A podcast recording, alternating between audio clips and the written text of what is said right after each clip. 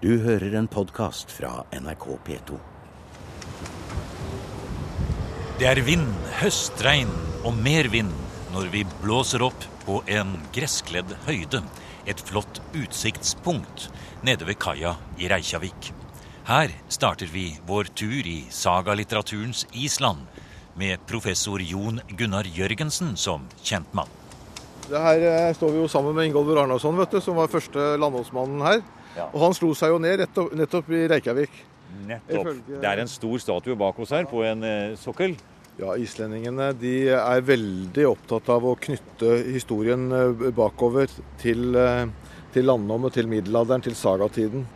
Typisk da, å presentere seg slik. Vi står og ser utover Ja, det er vi ikke akkurat midt i sentrum her, men vi ser på en måte utover hele sentrum av Reykjavik med den store havna da, ut til eh, høyre der. Nybygg er det her. Stor aktivitet, det er graving. Ja, jeg kan tenke meg det er vel en 60 000-70 000 i Reykjavik, men nå har jo også byen vokst sammen med flere andre byer. Kolpavåger, Havnafjørder, Gardaberg, som ligger i omegn. Så eh, på dette, eh, denne delen av Island som vi bare kjørte gjennom fra flyplassen og inn i går, eh, så er det jo snakk om eh, ja, bortimot halve befolkningen, altså. Jon Gunnar Jørgensen er ekspert på alt som har med sagalitteraturen å gjøre. Kongesagaer, tekstkritikk, norrønt språk, eldre og nyere litteratur, og ikke minst islandsk, som han snakker flytende etter mange års opphold på Island i flere perioder. Her går vi forbi en stor safe-dør her. Og går videre innover i kjelleren her. Vi er i de dype magasinene i kjelleren til Arni Magnusson-instituttet i Reykjavik. Her ligger originale håndskrifter på kalveskinnspergament, innbundne praktbøker fra middelalderen, løse håndskrifter, diplomer og uvurderlige kildeskrifter. Her har vi f.eks. Det nye testamentet som ble trykt i Roskilde i 1540. Bibelen, Holar-bibelen fra 1583 og senere bibler. Eh, gam- Københavnerutgave av Snorre, f.eks. ja, ja, vi har jo Perinsjøls uh, Det er direktør Vestein Olasson som nå er på vei til å låse oss inn i selve safen, hvor de mest verdifulle håndskriftene oppbevares. På Island er navnet Arni Magnusson godt kjent, for det er hans store innsamlingsarbeide på 1600- og 1700-tallet som har gjort at sagalitteraturens kilder er så godt dokumentert. Han eh, var jo en veldig lærd mann. eh, veldig ivrig interessert i å, samle inn all, alle mulige dokumenter han kunne finne om den eldre historien, litteraturen osv. Men eh, det store kuppet var jo at kongen sendte han til Island for å sjekke alle embetsmennene der, om de svindlet eller dømte uriktig, som de alltid gjorde. ja. Og da fikk, kom han der med kongens fullmakt, og da ville vi gjerne være venner med han, så det, han fikk lett ved å kjøpe eller få håndskrifter som gave. Og han forsto og satte pris på alt mulig som han kunne få tak i. Det jo, hadde jo også vært i gang en stor avskrivervirksomhet i, etter reformasjonstiden, og da hadde man jo reddet mange tekster fra uh, sinnbøker som senere gikk tapt. Så det var ganske mye å ha eh, i mange, eh, mange deler av landet. Utrolig flott her. Og vi ser det ligger brosjyrer på alle slags språk. På fransk og tysk og osv. Og, så videre, og italiensk. Så her kommer det forskere fra faktisk hele verden. For det er jo ikke bare nordmenn, dansker og islendinger og svensker som er interessert i disse håndskriftene. Nei. Det er jo da naturligvis først og fremst litteraturen som man begynner å interessere seg for. Og det kommer jo ofte gjennom studier av de gamle germanske språk, gjennom eh, gammel engelsk, eh, gjennom de engelske universitetstradisjonene har dette jo spredt seg til Australia, New Zealand og, og, og Amerika naturligvis. Og så uh, kommer jo folk som har begynt å studere germanistikk i, i Japan, og til og med Kina kommer hit for å oversette eller, eller arbeide litt med dette. Da får vi få spørre om, da, om, om vi kan få lov til å bli med to Arne Magnianere inn i selve studiekammeret. For nå skal vi gå nedover i gangene her. Så kan vi få lov til å se litt på hvor denne forskningen foregår. Ja. Ja. Du ber om mye når du er klar over det. jeg skjønner det, ja. Et, et, et, her gjest, så langt kommer gjestene. Så langt kommer gjestene, ja. Ja. Ja. forskere i sine Vi går videre innover i de aller helligste gangene her. Nordmann på gangen. Er det en nordmann. Ja, ja. Det er litt stille inne på lesesalen. Det skal vi være. lese. Her sitter gjesteforskere. En franskmann, en dansker, eller som nå er blitt en islending. Vi sitter. Hva er det vi går ned i her nå, Jon? Vi her, her nede har de altså seifen, og så har de dette arkivet av um, håndskrift, fotografier og andre arkivalia Se her inne. Her kommer vi ned i brannsikre rom. Å, her. Eh, ja. Du så jo bare en brøkdel av bøkene oppe. Ja. Her tror jeg han løser det med det åpent. Dette er eh, Se de nøklene. Ja. 15-20 Man skal se den døra òg, altså. Dette, dette her er, eh, er virkelig stort, altså. Jeg får litt sånn sakral følelse her. Du ser. Her er, nå er vi inne i det aller helligste. Nå er vi inne i det aller helligste. Altså. Se, nå tar du ut en stor blå eske. Vi går forsiktig bort. Bok her. Å, se her åpnes det opp. Det er så nydelig skrevet, skjønner du. Tettskrevne sider Dette er jo skrevet omkring 1390, og du kan se at blekket er jo sort og glinsende, som det var skrevet i går. Og sinnet er ikke så mørkt som i mange av disse håndskriftene. Altså, det har vært et klenodium. og Mange av disse fine uh, kongesagahåndskriftene kom jo til Norge av naturlige grunner, men denne her eh, ble i Island inntil i, på 1600-tallet, da biskop Brynjolfur Sveinsson i Skálholt, som var en stor forsker, men også kongens embetsmann naturligvis, han, han fikk taket den oppe i Flatøy i Breidafjorden i Vestlandet, derfor kalles den Flatøyboken. Dette er ikke noe vanlig håndskrift. Det, det er et av de største, altså fysisk største, eh, som vi har altså, eh, når det gjelder formatet på siden. Og Du ser også at eh, her er selve tekstfeltet nøye planlagt. Og det Det er, god, to, det er to spalter. to spalter, og det er god luft mm. både i marg og under. Eh, Veldig jevn, flott. Det ser nesten ut som det skulle vært trygt, altså. ja, det gjør det. Og det er morsomt. eh, Det, eh, hvis du ser på noen av de eldste eh, inkunablene, altså disse eldste trykte bøkene, så ser de ut omtrent slik. Nettopp. Men nå skal vi se, nå har Vestein funnet hver oss. Ólafur Tryggvason til konungs tekin. Ólafur konungur satt á hlöðum fyrst eftir fall Hákonar. En er þessi tíðendi spurðust að Hákon uh, var drepinn. En Flatøyerboken, som er det største og best bevarte av alle islandske håndskrifter fra middelalderen, inneholder avskrifter av en rekke kongesagaer. Først og fremst sagaene om Olav Tryggvason og Olav Haraldsson, men også Jomsvikingasagaen, Færingesagaen, Orknøyengesagaen og flere andre tillegg. Tidlig på 1930-tallet begynte islendingene å forhandle med Danmark om tilbakeføring av de islandske håndskriftene. En politisk tautrekking med høye nasjonale overtoner. Island fikk hjemmestyre i 1904, ble suveren stat i personalunion med Danmark i 1918, og fikk sin selvstendige republikk først i 1944. Likevel skulle det gå mange tiår før tilbakeføringen ble endelig avsluttet i 1997. Så på mange måter er vi nå i det rommet som inneholder Islands symbolske nasjonalskatt. Ja, altså det er så at eh, det kommer ofte eh, store folk på besøk som vil se på håndskrifter og til eh, statsoverhoder. Det er bare ett statsoverhode som har fått lov til å komme inn her, og det var dronning Margrethe av Danmark. så det er virkelig godt selskap her. De som ikke er så heldige som dronning Margrethe og kommer inn i Arni Magnussons-instituttets hellige rom, kan komme hit til Kulturhuset i Reykjavik sentrum. Nå skal jeg vise deg noe, skjønner du. Dette er det fjernsyn. Ja. Og egentlig hvis du står under denne her kuppelen her, så hører du lyd. Etter å ha passert et nasjonalromantisk rom med valkyrier, runer og middelaldermystikk, kommer man til en helt fantastisk utstilling av originale håndskrifter fra Arni Magnussons samling. Men først ser vi tilbakeleveringen av Flateyjarbok og Codex Regius, den eldre Edda, som ankom Reykjavik den 21. april 1971. Første der ser du de står med bokpakkene i, i, ja. henda. Og Sterkt bevoktet, det er uniformer Ja, og så det kommer et dansk orlogsskip. Ja, det er det det ja. Det ligger i bakgrunnen. Oi, ja. Det er en folkemengde her, skjønner du, som eh, er som Karl Johan 17. mai, vet du. Som har møtt fram, og nå Ja. bærer de altså, ser vi på filmen her, dokumentene inn i en varebok. dette er altså Her får man tilbake selve kjernen i den islandske selvforståelsen, kan man nesten si. Ja, det er utrolig. Hurra for Danmark, roper de. Ja, ja. Ja.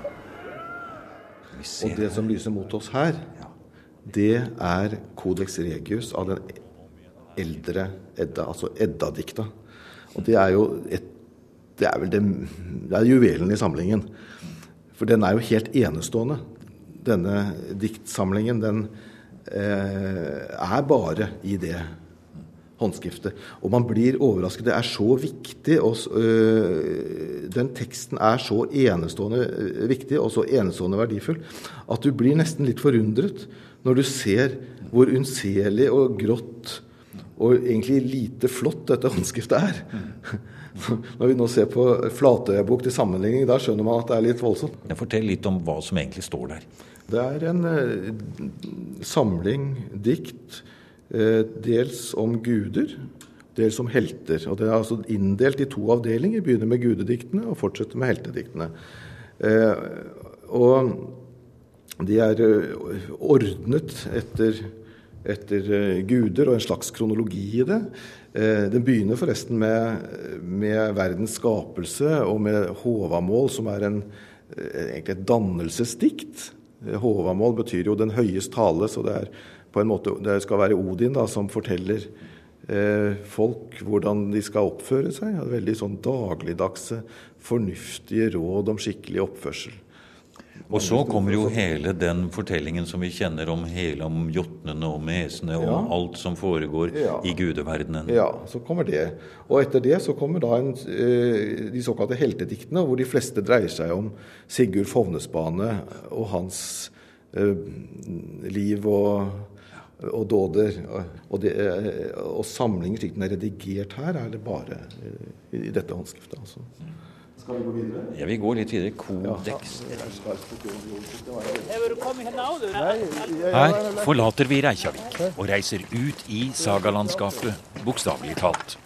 Litt sør for Reykjavik svinger vi inn i en frodig dal og stanser ved gården Mosfell. Vi skal inn i Egil Skallagrimsons verden. Hans saga er kanskje en av de mest kjente ved siden av Snorre Sturlasons kongesagaer. Snorre er så stor i Norge at han nesten skygger for de andre kongesagaene vi også har. Så heller ikke de er så veldig godt kjent i Norge som gruppe, egentlig. Men eh, hvis du tar en annen eh, stor sjanger, islendingesagaene, som eh, vi kjenner godt til i Norge, i hvert fall enkelte av dem. De fleste har vel lest kanskje Gislesaga eller Gunnlaugsaga eh, på skolen. Eh, Egilsaga er veldig godt kjent. Eh, men der er det haugvis som vi ikke eh, leser i, i Norge, egentlig. Det er Men, men få høre stykker. noen eh, andre sagaer. Lakstøla-saga, Njål-saga, vi kan ramse opp. Det er kanskje 2-43 av dem. Eh, Men så har de jo disse fornaldersagaer, en eh, stor gruppe med sagaer med mer fantastisk eh, karakter. eh, Hvor bare en del er oversatt til norsk. Her har arkeologene holdt på, ja. Dette er hérna lengdin er vikingaskálin. Ja, det skjønte du. Her lå det et vikinghus. Ja, og da, Skavlen det er altså hovedhuset. Det er, Ja. Hvor man oppholdt seg, Ja. bodde og spiste. Stæðsti skáli sem hefur fundist á Íslandi held ég. Hva sier du det? Det største rommet, uh, huset. huset, ja, som er funnet på hele Island. Ja. Ja. Svo er hérna, sko voru búin að finna áður stavkirkju af svona eila norsku fyrir Ja, fyrirstöðmenn. Sko. Her kan det ligge til en liten stavkirke. kirkestavlen. er ja, Ta som det se- sies ha funnet eh, Grøv Eils já, það vil ég minna gröf Eils under Kornum. Under Kornum. já. Det er den unge bonden på gården som viser oss rundt på de gamle tuftene like bak den moderne låven. Med fri sikt langt til havs, og med 25 islandshester gående på gressbakkene rundt oss, tror vi gjerne at landskapet er akkurat slik det må ha vært for mer enn 1000 år siden, da Egil Skallagrimson satt her mett av dage. De siste kapitlene av sagaen der, der han eh, famler rundt og er blind og ganske stakkarslig, da, det er her, og det er her han dør. Hvis du kvar var eh, at jeg vera haug Haugurinn som Hvor var Haugen som Hegel var satt ned? Graven i Fyrst. Ja. Det er sko, heitir Kjaldanes, Her er hinum með annað hann nesið. Ja, er Ég veit ekki, það- þeir voru nú eitthvað að prófa að der. Man vil jo gjerne finne Ja, Egil her, da. Ja, Og om sagaens Egil Skallagrimson i det hele tatt har levd, eller om historiene om ham er en litterær konstruksjon, og i så fall hvorfor de er konstruert nettopp på denne måten, det er et spørsmål sagaforskerne stiller seg. Jeg vil si at det, det er noe som er typisk for islendingesagaene, at konflikten er komplisert. Altså, eh, det er, det er ikke slik at det er det gode mot det onde. Eh, Det er eh, slik at det kan være det, onde mot det onde, eller det kan være sympatiske helter på begge sider. Når det gjelder Egil, så er denne konflikten på en måte flyttet inn i personen, i hovedpersonen selv. Han, han har motstridende krefter i seg. Ja, vi er ute på Digranes, som er en odde som stikker ut like ved gården Borg, da, hvor Egil og, og Skallagrim bodde. Så kommer vi inn i en lund her, altså. Det er svært re- re- relieff. Det er Egil.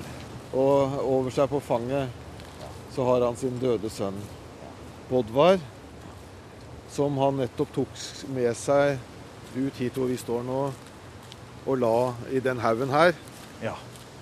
Hvor hans far Skallagrim lå fra før. Her, innerst i en trang fjord med høye fjell opp på hver side, og med en fjellhammer som kan ligne en bygdeborg, ligger en liten hvit kirke, en kirkegård og presteboligen til Torbjørn Arnason. Akkurat her lå også gården Borg, hvor Egil Skallagrimsons far tok land i landnomstiden. Hit flyttet også Egil selv da han kom hjem for godt fra sine eventyr i Norge og England.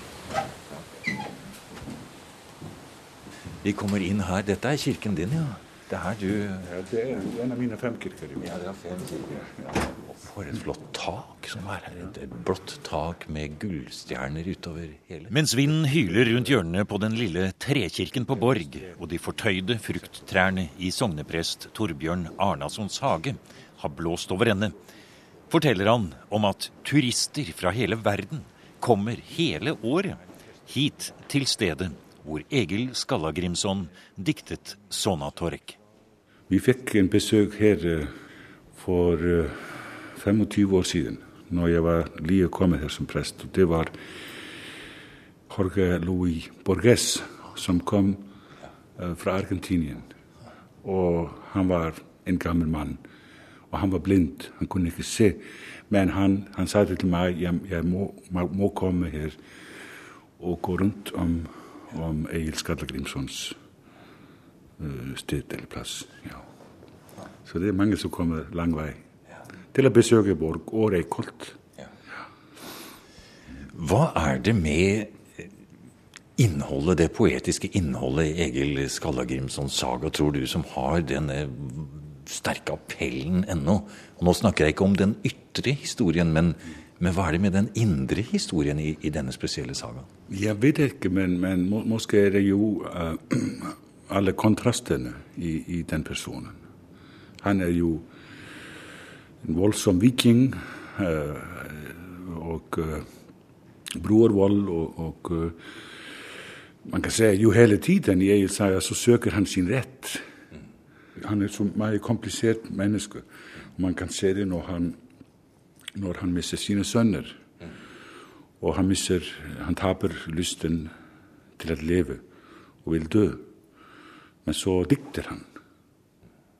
Hans datter kommer, og hun uh, narrer ham, og hun uh, overbeviser ham om at det er bedre å dikte enn å dø. Fordi Skape ja, noe. nettopp. Og det er jo en, en, en, et sterkt budskap i det. At når du er i krise, og mørket er, er rundt om deg, så er det jo at det å skape noe som kan bli til nytte for andre. Det kan være en vei ut av mørket. Det er det som, som den uh, historien i Egil saga, det er den budskapen i det. Og det er noe som transcenderer alle religioner eller ideologier. At, uh, at skape noe, det er det som uh, man kan si som, som kan få give deg lyset igjen. Det er det som, som sker med Egil.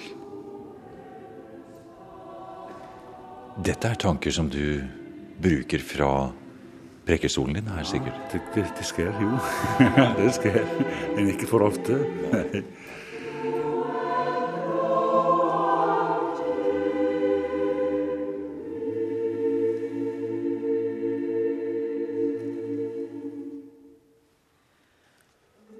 Høyre himna smidur. Hør himmelens skaper, synger København Konsertforeningskor på en konsert i Reikholt kirke den ettermiddagen vi kommer dit. Teksten er skrevet av Kolbein Tumasson, som var en av Islands goder på 1200-tallet, på Snorres tid. Også han ble for øvrig drept under borgerkrigene på den tiden, akkurat som Snorre. Hugg du, sa Simon. Eigi skal höggva, sa Snorri. Han henviser til det femte mosaiske bud, du skal ikke slå ihjel. Der skal ikke hugges. Hugg du, sa Simon igjen. Igen sa Snorri, eie skal höggva. Her er det enda en av Islands lærde prester, sogneprest Geir Våge på Reikholt, som tar oss med rundt inne bak vollene i Snorre Sturlasons store borganlegg. Vi står akkurat på stedet der Snorre gjemte seg for sin banemann. Men nå lar vi Geir Våge ta oss med inn i Egil Skallagrimsons hedenske verden, selv om vi står midt i Reikholt kirke. På Borg hørte vi om kvadet Sonatorek. Nå er det det andre store diktet fra Egilsaga vi møter. Det er et kvad som jeg holder veldig mye av. Høveløsen er et av de kvad som jeg har alltid vært veldig begeistret for. Selv om de lærde sier at det handler bare om krig og kamp. Men det er selve kvadet som er så flott. Det begynner med forårets deilige, altså susen. Uh, man kan nesten høre forår i inngangen til høveløsten. Vestur fór ek og ver, en ek viðri sper, mun strandar mar, svo smitt og far. Dró ek eik á flót við ísabrót, hlóð ek mærðar hlut, mín knarrar skudd, og svo videre. Og så kommer det til kamp, kamp, kamp, kamp og krig. Og, og så sker en, en, en endring i musikken, i kvadet. Og, og, du kan nesten fornemme hvor skrekkelig kampen er efter at du har erfaret den vilde kampglede i kvadet, altså kampens berusende følelse. Så står Egil der på slagmarken, og, og der kommer til syne det uhyggelige. Flugu hjaldur stranar og hræslanar, voruð blóð svanar, benmás granar, sleit und freki þás ott breki gnúði rafni á höfuðstafni. Og í det næste erinni sier hann, tróð nift nara náttverð ara, det er uhyggelige bilder. Altså, ulvens hustru trådte på ørnens nattverd. Det, det, er, det er uhyggelig undertone i det her. Det er ingen kristen mann i middelalderen som kan kvede, som kan kvede med, med levende, uh, sprudlende glede om kampen i uh, hedensk sammenheng. Fordi det er så tung hedensk strøm i kvadet. Så når du leser dette, du gjenforteller det, du ser det for deg, så kan en moderne mann, en prest i den lutherske tradisjonen, få et innblikk i den hedenske tankegang, den hedenske verden. Det er min mening, ja. Det er min mening. Vi har i gjennom Snorres verker så har vi ikke bare nøkkelen til forståelse av gamle kjenninger og, og mytologiske ting. Vi har også vinduer inn i hedendommen. Ikke bare eh, den hedenske tradisjonen, men i Egilsaga har vi vinduet inn i selve sjelelivet av en hedensk mann som Egil Skallagrimsson. Du har nå hørt en podkast av programmet Museum fra NRK P2. Og send gjerne en e-post til museum krøllalfa nrk.no.